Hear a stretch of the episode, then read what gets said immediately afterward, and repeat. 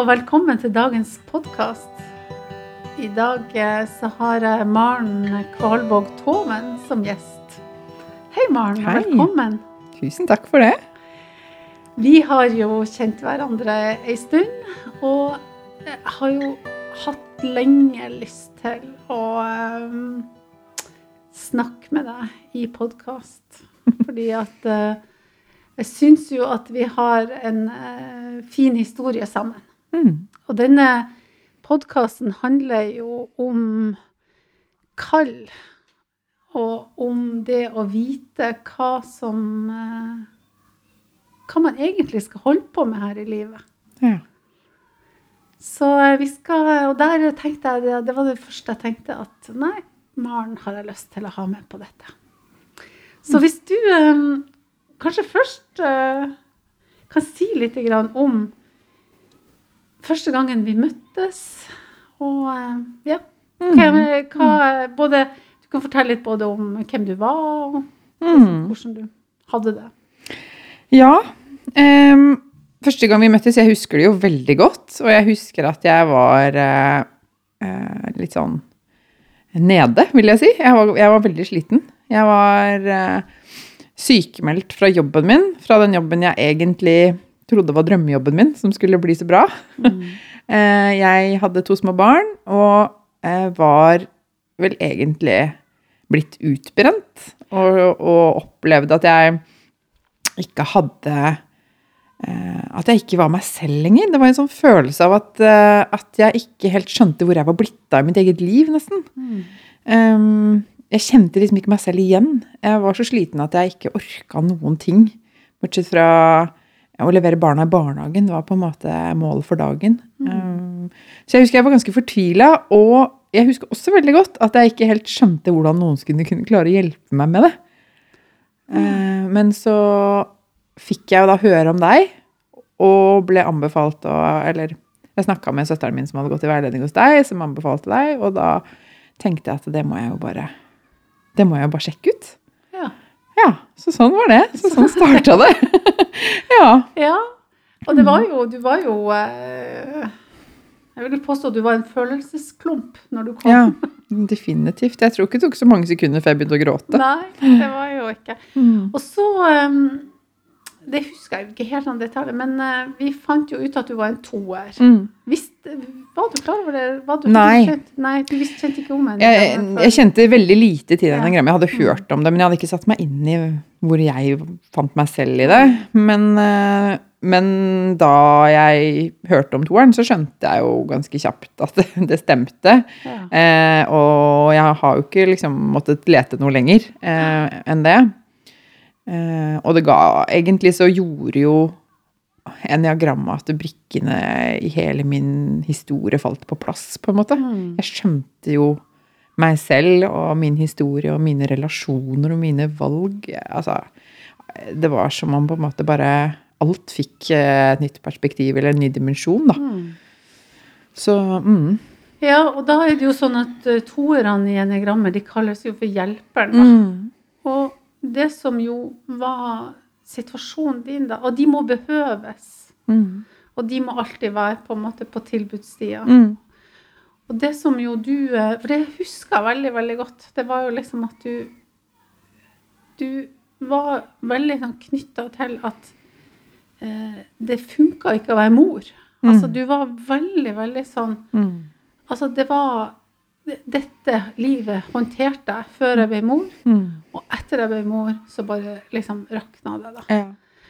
Eh, og det er klart at i et sånt uh, hjelper-toer-enagramperspektiv, så er det jo det at mm, toerne dypest sett har en ubevisst stemme som sier at det ikke er lov å ha egne behov. Mm. Og det er klart, når du da får eh, to små barn Mm. som krever deg 24-7, da, Mm. så er jo det eh, en veldig klar eh, Mm. vei mot å bli utbrent. Ja. ja. Det er riktig. Ja. Og det var definitivt det som hadde skjedd. Mm.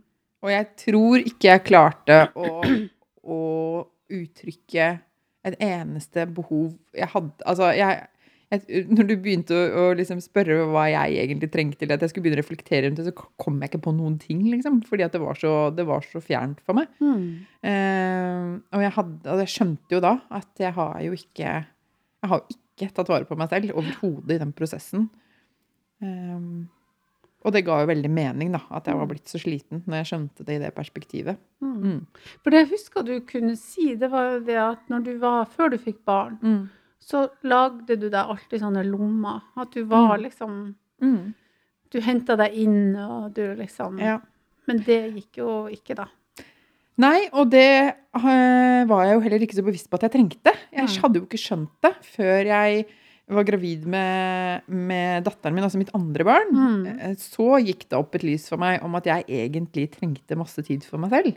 Ja. Og at jeg egentlig er litt mer introvert. Jeg har jo alltid tenkt at jeg er sånn eh? Jeg har alltid vært veldig utadvendt, eh, sosial. Jeg har vært uredd i å stå foran forsamlinger. Jeg har vært engasjert på mange områder, ikke sant. Og, og alltid liksom gått på Mm. i jobbsammenheng og sånn. Og så har jeg ikke vært bevisst at jeg, eh, før jeg fikk barn, da, brukte mye tid på å lade alene. Og sånn sett klarte å holde en viss balanse. Men jeg tenker jo, når jeg ser tilbake, at jeg har vært faretruende nær flere ganger da også. ja. Fordi at jeg eh, har sagt ja og tenkt at jeg må bare stille opp for alle. Eh, både privat og, og profesjonelt, da. Mm. Eh, men at jeg, at jeg på en måte har henta meg sånn litt inn igjen. ja. Så, så ja, jeg husker at jeg, at jeg da kunne være sånn ja, Hvis jeg visste at jeg skulle noe på lørdagen, så kanskje jeg ikke la noen planer på fredag, f.eks. Mm. Eh, og tenkte at jeg måtte ha noen kvelder i uka hvor ikke det skjedde så mye. Men uten at det var sånn Ja, det er jeg avhengig av. Hvis ikke blir jeg utbrent eller utlada. Altså, det var ikke der, men det var mer sånn Ja, det er litt deilig. Ja. så det var jo først etterpå at jeg skjønte hvor Mm. livsviktig det var for meg, da. ja. Mm. Og da vi møttes, så var du jo sykemeldt. Ja. Eh, og du Det var veldig eh, Det som vi liksom snakka om at du var bare følelsesklump, Mm. var jo det at du Det jeg huska, det var det at du klar Altså, du, du skjønte bare ikke hvordan det gikk an å være i jobb og ha to unger samtidig. Nei. Det var liksom helt uh, Mm. Mm. Og det var helt det, altså det var jo helt opplagt. Altså det kunne enhver se. At for deg gikk ikke dette opp, da. Mm. Det var ikke Mm. Så hvis du um, Hvis vi ser tilbake på den tida der, hva slags uh, Husker du noen av de øvelsene du fikk av meg? Ja, det var eh, Det var jo noen utfordringer der. Eller, og og noen, eh, noen gaver, tenker jeg. Eller noe som var, noe var jo mer utfordrende enn andre ting. Men jeg husker jo at eh, At eh, du minnet meg på Eller du, du oppfordret meg til å begynne å meditere. Mm. Noe som jo eh, jeg har blitt helt avhengig av, og som jo er en stor del av hverdagen min nå. Em, så det var jo bare pluss, og ikke noe egentlig ikke så veldig vanskelig heller. Eh, men jeg husker at eh, du du sa til meg, eller utfordra meg litt på dette med å si nei til ting, og det å faktisk uttrykke behovene mine overfor de jeg hadde rundt meg. Altså, jeg husker jo jeg måtte jeg måtte, sier jeg, men altså, du, du gjorde meg jo klar over at det var helt uaktuelt for f.eks. å gå i et 40-slag som jeg skulle i, hvor jeg kjente på at det, ja, men jeg kan jo ikke si nei. Ikke? Det, det er jo ikke mulig å si nei fordi jeg ikke orker. Det hadde på en måte ikke vært eh, et alternativ før, da, i en sånn setting. Eh, men hvor eh, jeg forsto jo at det var det, det var det jeg måtte gjøre for min egen del. Mm. Eh, og så husker jeg jo at du At jeg skulle på en, eh, en jentetur til New York med noen gode venninner, og en tur vi hadde snakka om i ti år, eller noe sånt. Mm. Um, og spart til og gleda oss veldig til. Og hvor jeg kjente veldig på hvordan i all verden skal det gå. Kan jeg dra? Hvordan Ja. Mm. Um, og hvor du da um, hjalp meg til å liksom Eller var jo du, du sa det jo egentlig til meg. Nå må, nå må du sette av tid til deg selv på den turen. Du må sørge for at du får tid bare for deg selv, så du får lade opp og på en måte ta hensyn til deg selv og kjenne etter hva du trenger. og Mm. Eh, og hvorpå jeg tror jeg først lo litt grann av forslaget ditt om å liksom sørge for at jeg fikk noen timer for meg selv på en sånn tur, for det har jeg jo aldri liksom gjort før, ikke sant? Jeg er jo med på det som skjer, og ja, Mm. vil jo ikke, vil jo ikke på noe som helst vis være til bry. Det er jo kanskje verdt noe av det verste jeg kunne tenke meg. ikke sant? At Mm. noe av det jeg gjør, kan få konsekvenser for de rundt meg, eller begrense de, eller et eller annet. Men, eh, men jeg gjorde noe som jeg fikk beskjed om, vet du. Jeg var jo jeg, jeg var veldig lydig. Nei da. Men jeg støtta meg nok litt på det, tror jeg. At jeg tenkte at ja, ja, nå har Nina sagt det, det er sikkert lurt, da, jeg, da gjør jeg det. Og så brukte jeg det som en litt sånn hjelp for å faktisk gjennomføre det, da. Mm. Så da husker jeg vi kom på Gardermoen, og, og, eh, og heldigvis Altså, de jeg skulle reise med, er jo veldig eh, omsorgsfulle, oppmerksomme. De kjenner meg veldig godt og er ikke liksom blir ikke redd eller skremt av at, eh, at jeg hadde det tøft. på en måte. De tålte det og ville, ville gjøre, eller ville legge til rette for at jeg skulle, også skulle få en god tur. da. Til til tross for at jeg var der hvor jeg var. Så jeg husker at jeg sa til dem at ja, OK, jeg har noe jeg må si til dere. Nå har jeg vært hos Nina, og ja, få høre, sa de. Satt seg ned og liksom Kom med det, vi tar imot, ikke sant. Så fortalte jeg at det liksom var viktig for meg å, å sette av tid til meg selv, da. Mm. For, å, for å forsøke å ikke bli helt utlada av den turen. Og det syns de jo bare Ja, var det ikke mer enn det, liksom? Ja, hallo, det er jo Selvfølgelig skulle jeg bare mangle. Og ja, det skal vi støtte deg på og hjelpe deg til. Og de var veldig sånn Ja, Marin, skal ikke du gå, gå tilbake på hotellrommet nå? skal ikke du gå og slappe av litt nå? Eller liksom, de var på en måte litt der, da. Så vi lo litt av det. Men, eh, men det gjorde jo faktisk at jeg gjorde det. Mm. Og det var sikkert ja, en av de første gangene i mitt liv hvor jeg på en måte har tatt en sånn avgjørelse som Eller hva skal jeg si eh, Gjort et sånt grep som bare handla om meg på den måten. da. Mm. Eh, veldig uvant. Men jeg kjente jo at det var veldig godt for meg òg. Ja, for Mm. det som er jo, og som er kanskje viktig å si for, um, for lytterne, det er jo det at eh, det de, både når du ikke skulle gå i det 40-årslaget, Mm. og når du var alene de timene på Altså de første gangene du gjør dette, Mm. Så har man det jo helt forferdelig. Ja. Man har det jo bare helt forferdelig. Mm. Fordi at man aldri har vært der. Mm. Og sånn sett så gjør, er det jo det som gjør at de aller fleste Ja, men det er jo ingen vits i. Mm. Altså, det er jo ingen vits i at jeg skal Da, da kan jeg jo liksom gjerne gå i det 40-årslaget enn å Mm. sitte hjemme og bare være helt uh, fra meg av Mm. skam og dårlig samvittighet og hva de andre tror og tenker om meg, Ja. og det følelseskjøret. Ja. Og det samme er jo eh, når en Når du for første gang i livet skal være alene på et hotellrom Mm. mens venninnene er ute Ja. så er det jo ikke akkurat eh, peace and harmony og meditasjon du gjør de første gangene. Nei, og så tror jeg nok jeg fremdeles da For dette var jo ikke så lenge etter at vi hadde begynt å snakke sammen. Jeg husker, eller jeg tenker jo at jeg nok fremdeles var veldig fokusert på hva, hvordan reagerer de andre på det her. Ja. Jeg var på en måte veldig prisgitt Mm. reaksjonen fremdeles. Um, og det brukte jeg nok masse energi på. Ikke sant? Hvordan kommer dette til å bli møtt? Og så kjente jeg jo på en ro når jeg fikk en god reaksjon. Men klart, hadde, hadde ikke det skjedd, så hadde det nok skapt uro, det også. ikke sant? Hvis Da tror jeg ikke- faktisk ikke du hadde klart. Nei, det er ikke sikkert jeg hadde det. Jeg hadde i hvert fall hatt veldig store kvaler og, Mm. og, og ja, syntes det har vært fryktelig ubehagelig.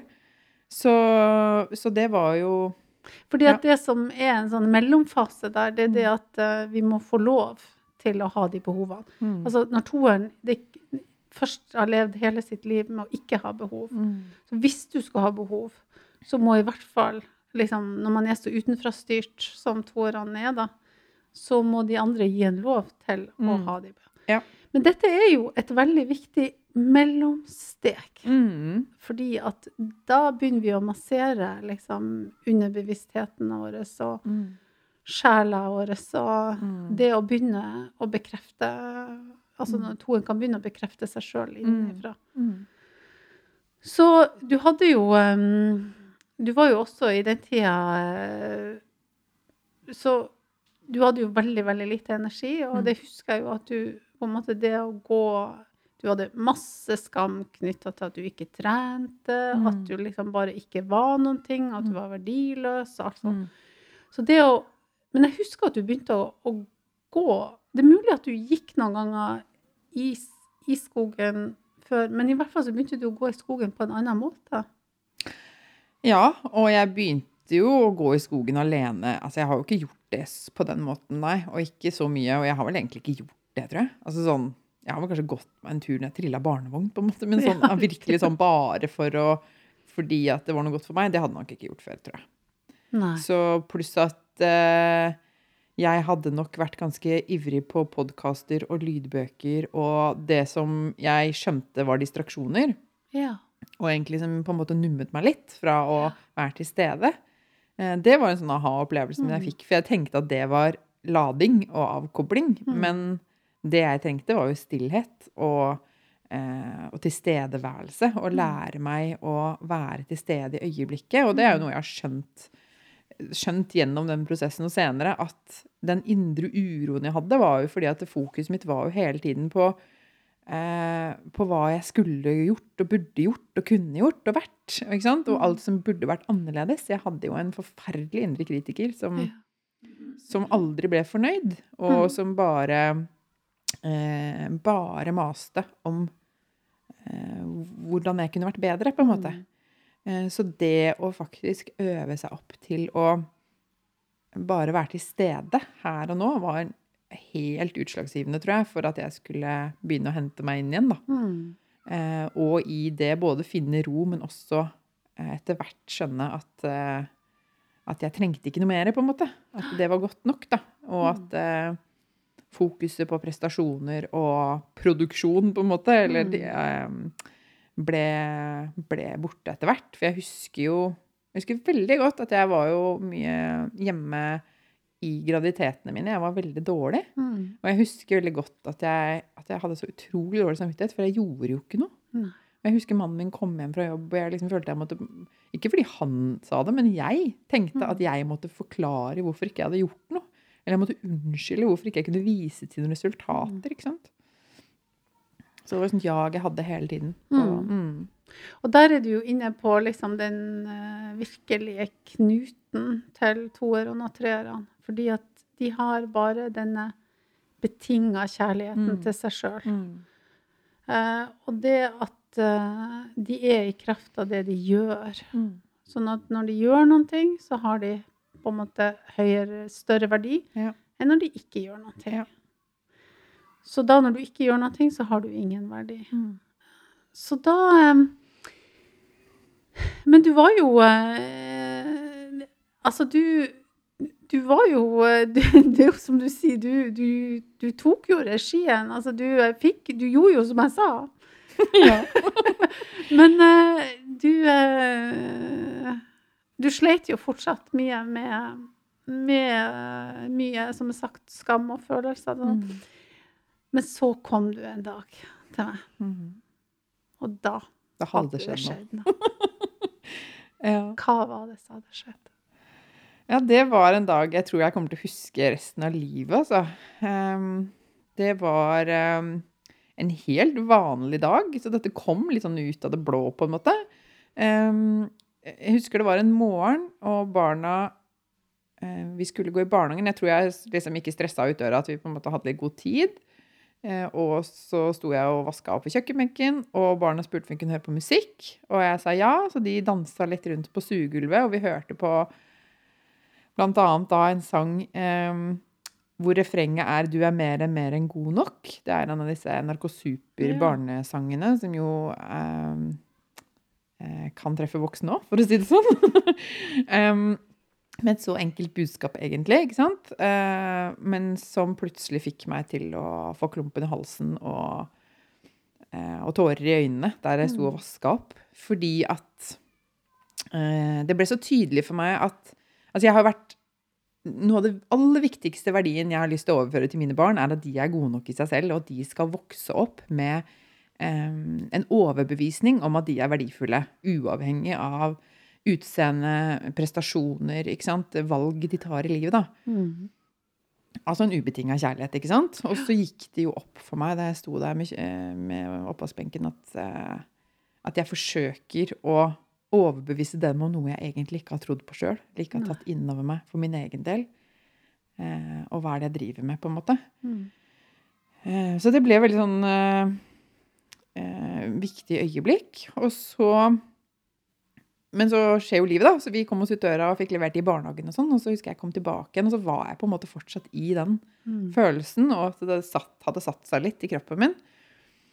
og så um, Og så eh, begynte jeg vel å høre på litt mer musikk. eh, og begynte å bla fram Jeg hadde nok hørt veldig lite på musikk en periode. Eh, noe jeg egentlig har gjort veldig mye opp igjennom. Og jeg har jo sunget mye i kor. Og musikk har vært utrolig viktig for meg på veldig mange nivåer. Da. Det har vært et veldig sånn følelsesspråk, og det har også vært et veldig sånn språk eller måte å uttrykke troen min på, som alltid har vært der.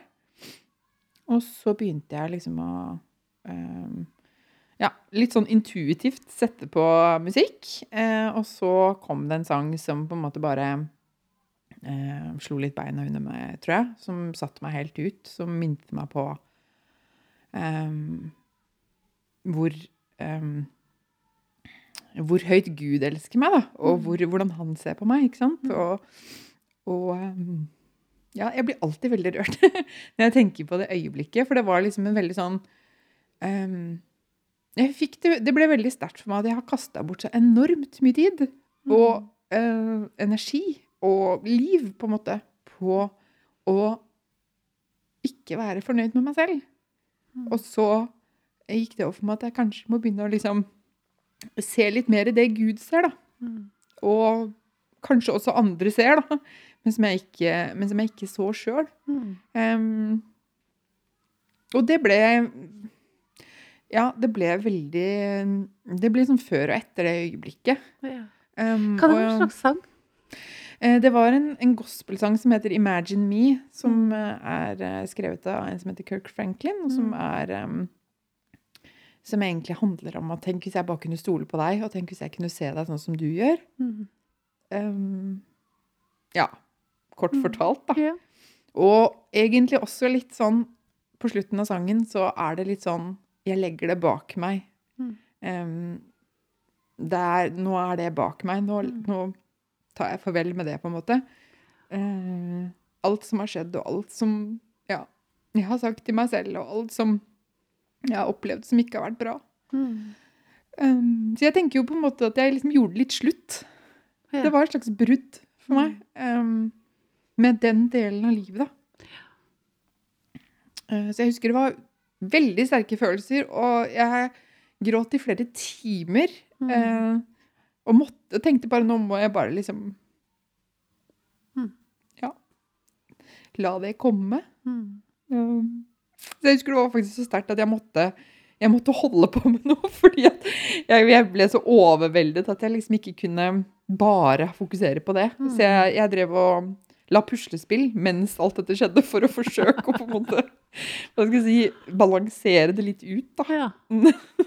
Helt absurd. eh, Høres sikkert sånn ut, men det var, det var bare sånn intuitivt jeg gjorde, tror jeg, for å liksom bare eh, tåle det. Mm. Og det som er så interessant med det du beskriver, det er at for lytterne våre, mange av lytterne våre, så, så, så kan det hende at de forstår dette som at det var et veldig på en måte følelsesmessig øyeblikk. Og det var det jo for så vidt også, men det var også noe mer. Mm. Fordi at det som vi uh, kaller for uh, det eksistensielle i oss, altså dette sjela eller essens, eller det som er dypt, dypt, dypt nedi oss, Mm.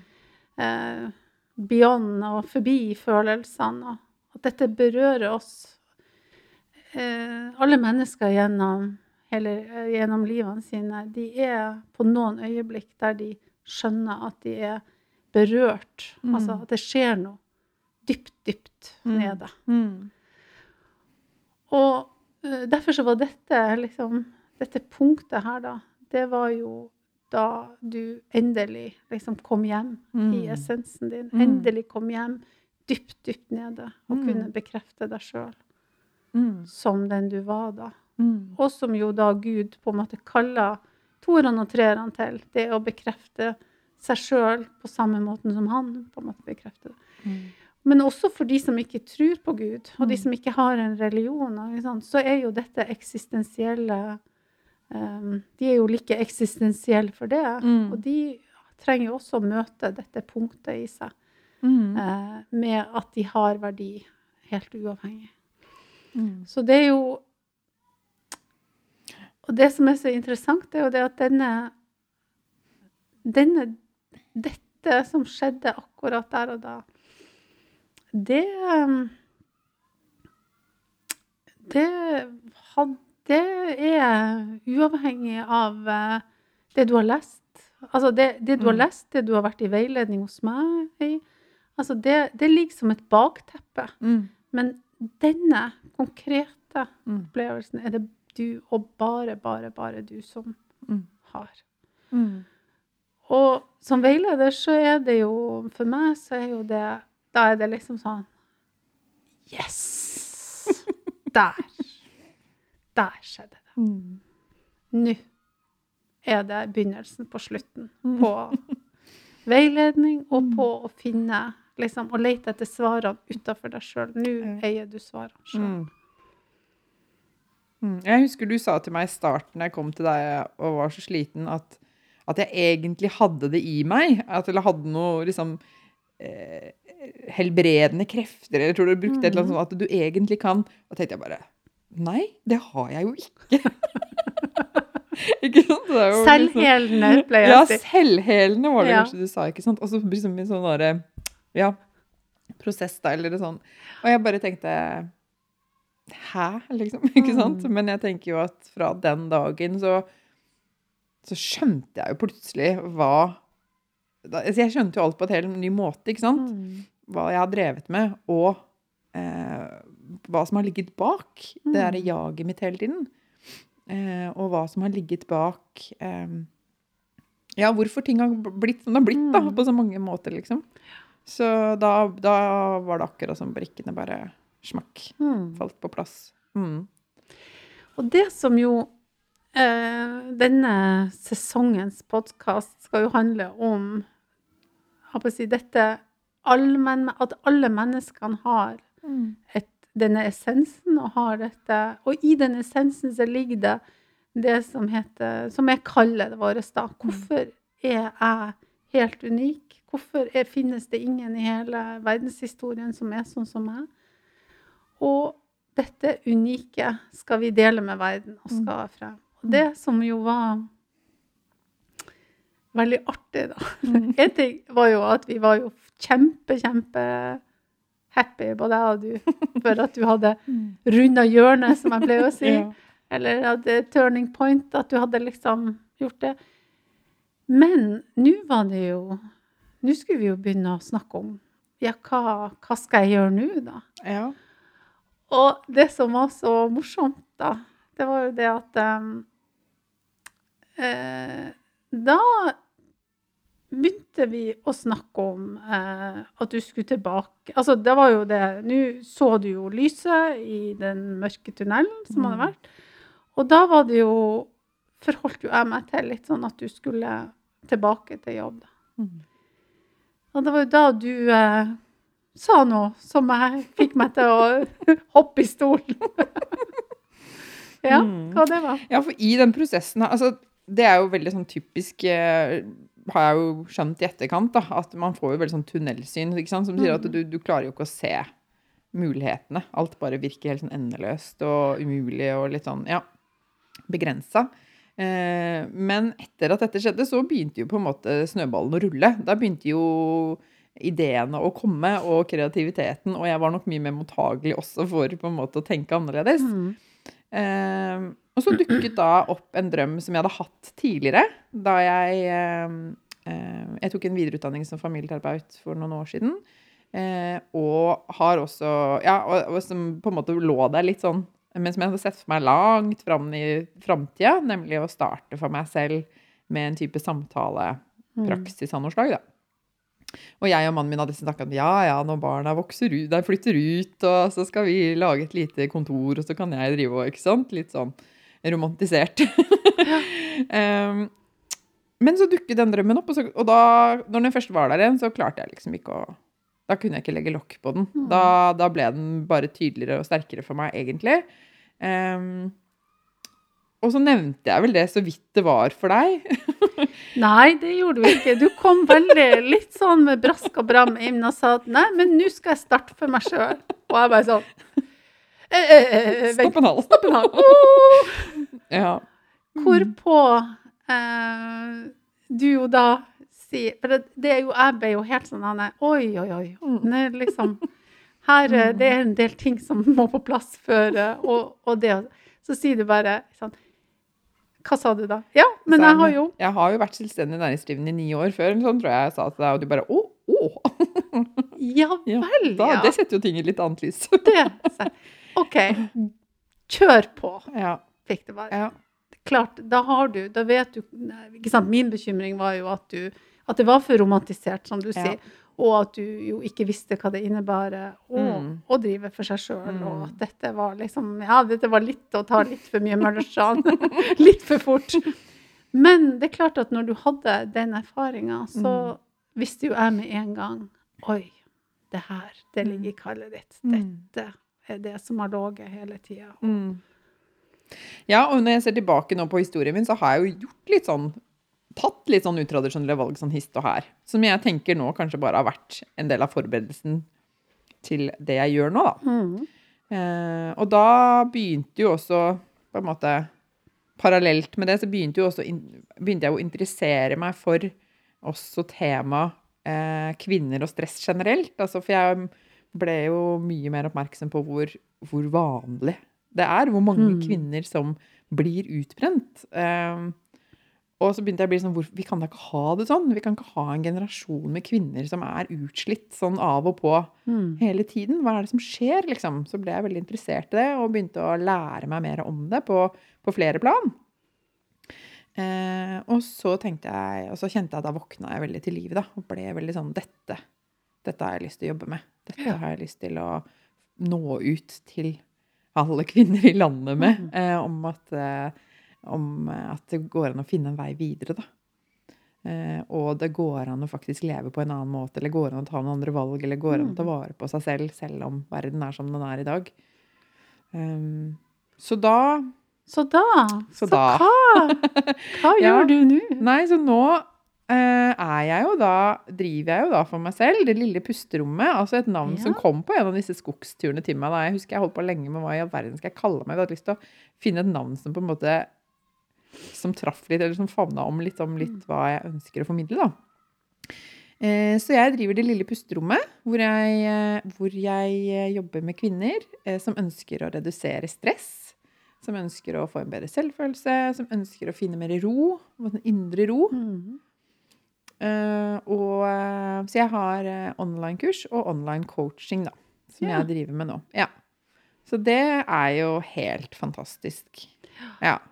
Så da Mm. må du jo fortelle litt om Det var jo ikke sånn eh, at du gikk fra å være eh, 100% sykemeldt til 100 eh, oppstart egen eh, bedrift, da. Men hva Fortell litt om hvordan det her Mm. Det jeg husker, det var jo det at eh, Jeg husker jeg sa til deg du, eh, du har ikke tenkt å leve altså Du går ikke litt Nå har du veldig mye ideer, veldig mye energi. Du har ikke tenkt å leve litt mer av dette lille pusterommet ditt. Mm. Eh, at du For du ble jo veldig, veldig dedikert og veldig engasjert. Hvordan klarer du den balansen nå i dag, da? Det ehm,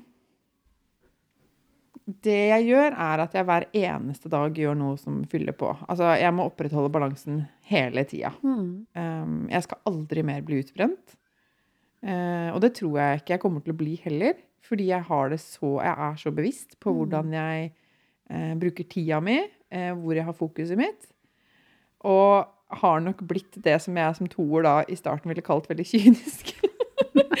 og litt mer sånn eh, Litt mer fokusert på meg selv. Ja. Eh, og jeg har nok Jeg tar nok andre valg på veldig mange måter enn jeg gjorde før. Både sånn eh, i, i jobbhverdagen min, eh, hvor jeg f.eks. setter av pauser til å gå tur eller meditere hver dag. Mm. Eh, hvor jeg ikke jobber like mye, like mange timer kanskje, Mm. eh, og sørger for å liksom balansere ut det. Eh, men også at jeg nå gjør jeg jo stort sett bare ting jeg elsker og syns er Mm. kjempegøy, så det også er jo noe annet. da, Og det å kunne liksom skape noe, og være kreativ og skape sin egen arbeidsplass. Mm. Men at jeg også i familielivet er jo mye mer bevisst på hva jeg trenger. Jeg har nok blitt eh, eh, veldig mye bedre på å uttrykke det, Mm. overfor mannen min spesielt. da. Barna mine om, de skjønner jo ikke helt ennå på samme måten. Nei. De har en liten vei å gå der, men de må bli litt større. Men, men det også igjen er jo noe jeg forsøker å formidle til de også med tanke på at de skal kunne klare å uttrykke det sjøl. Mm. sånn mer og mer, da. Så, og i forhold til, uh, i forhold til venner uh, Jeg er eh, mye mindre sosial enn hva jeg var før. Mm. Uh, jeg eh, tar ikke initiativet til Før så var jeg sånn som kunne tromme sammen eh, masse venninner og planlegge ting og stå i bresjen for ting og Mm. organisere ting og sånn. Det er veldig lenge siden jeg har gjort. Det kan godt hende jeg kommer til å gjøre det litt, men ikke i så stor grad som jeg har gjort før. Mm.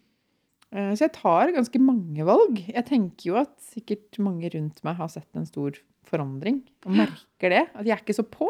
Mm. Eh, Jeg, jeg ringer ikke like ofte. Jeg, jeg, har, jeg gir ikke så mye til så mange, da. Mm. Jeg har nok blitt mye mer forsiktig med å liksom passe litt mer på energien min. Mm. Og mye mer bevisst på når jeg tappes, og når jeg fyller på.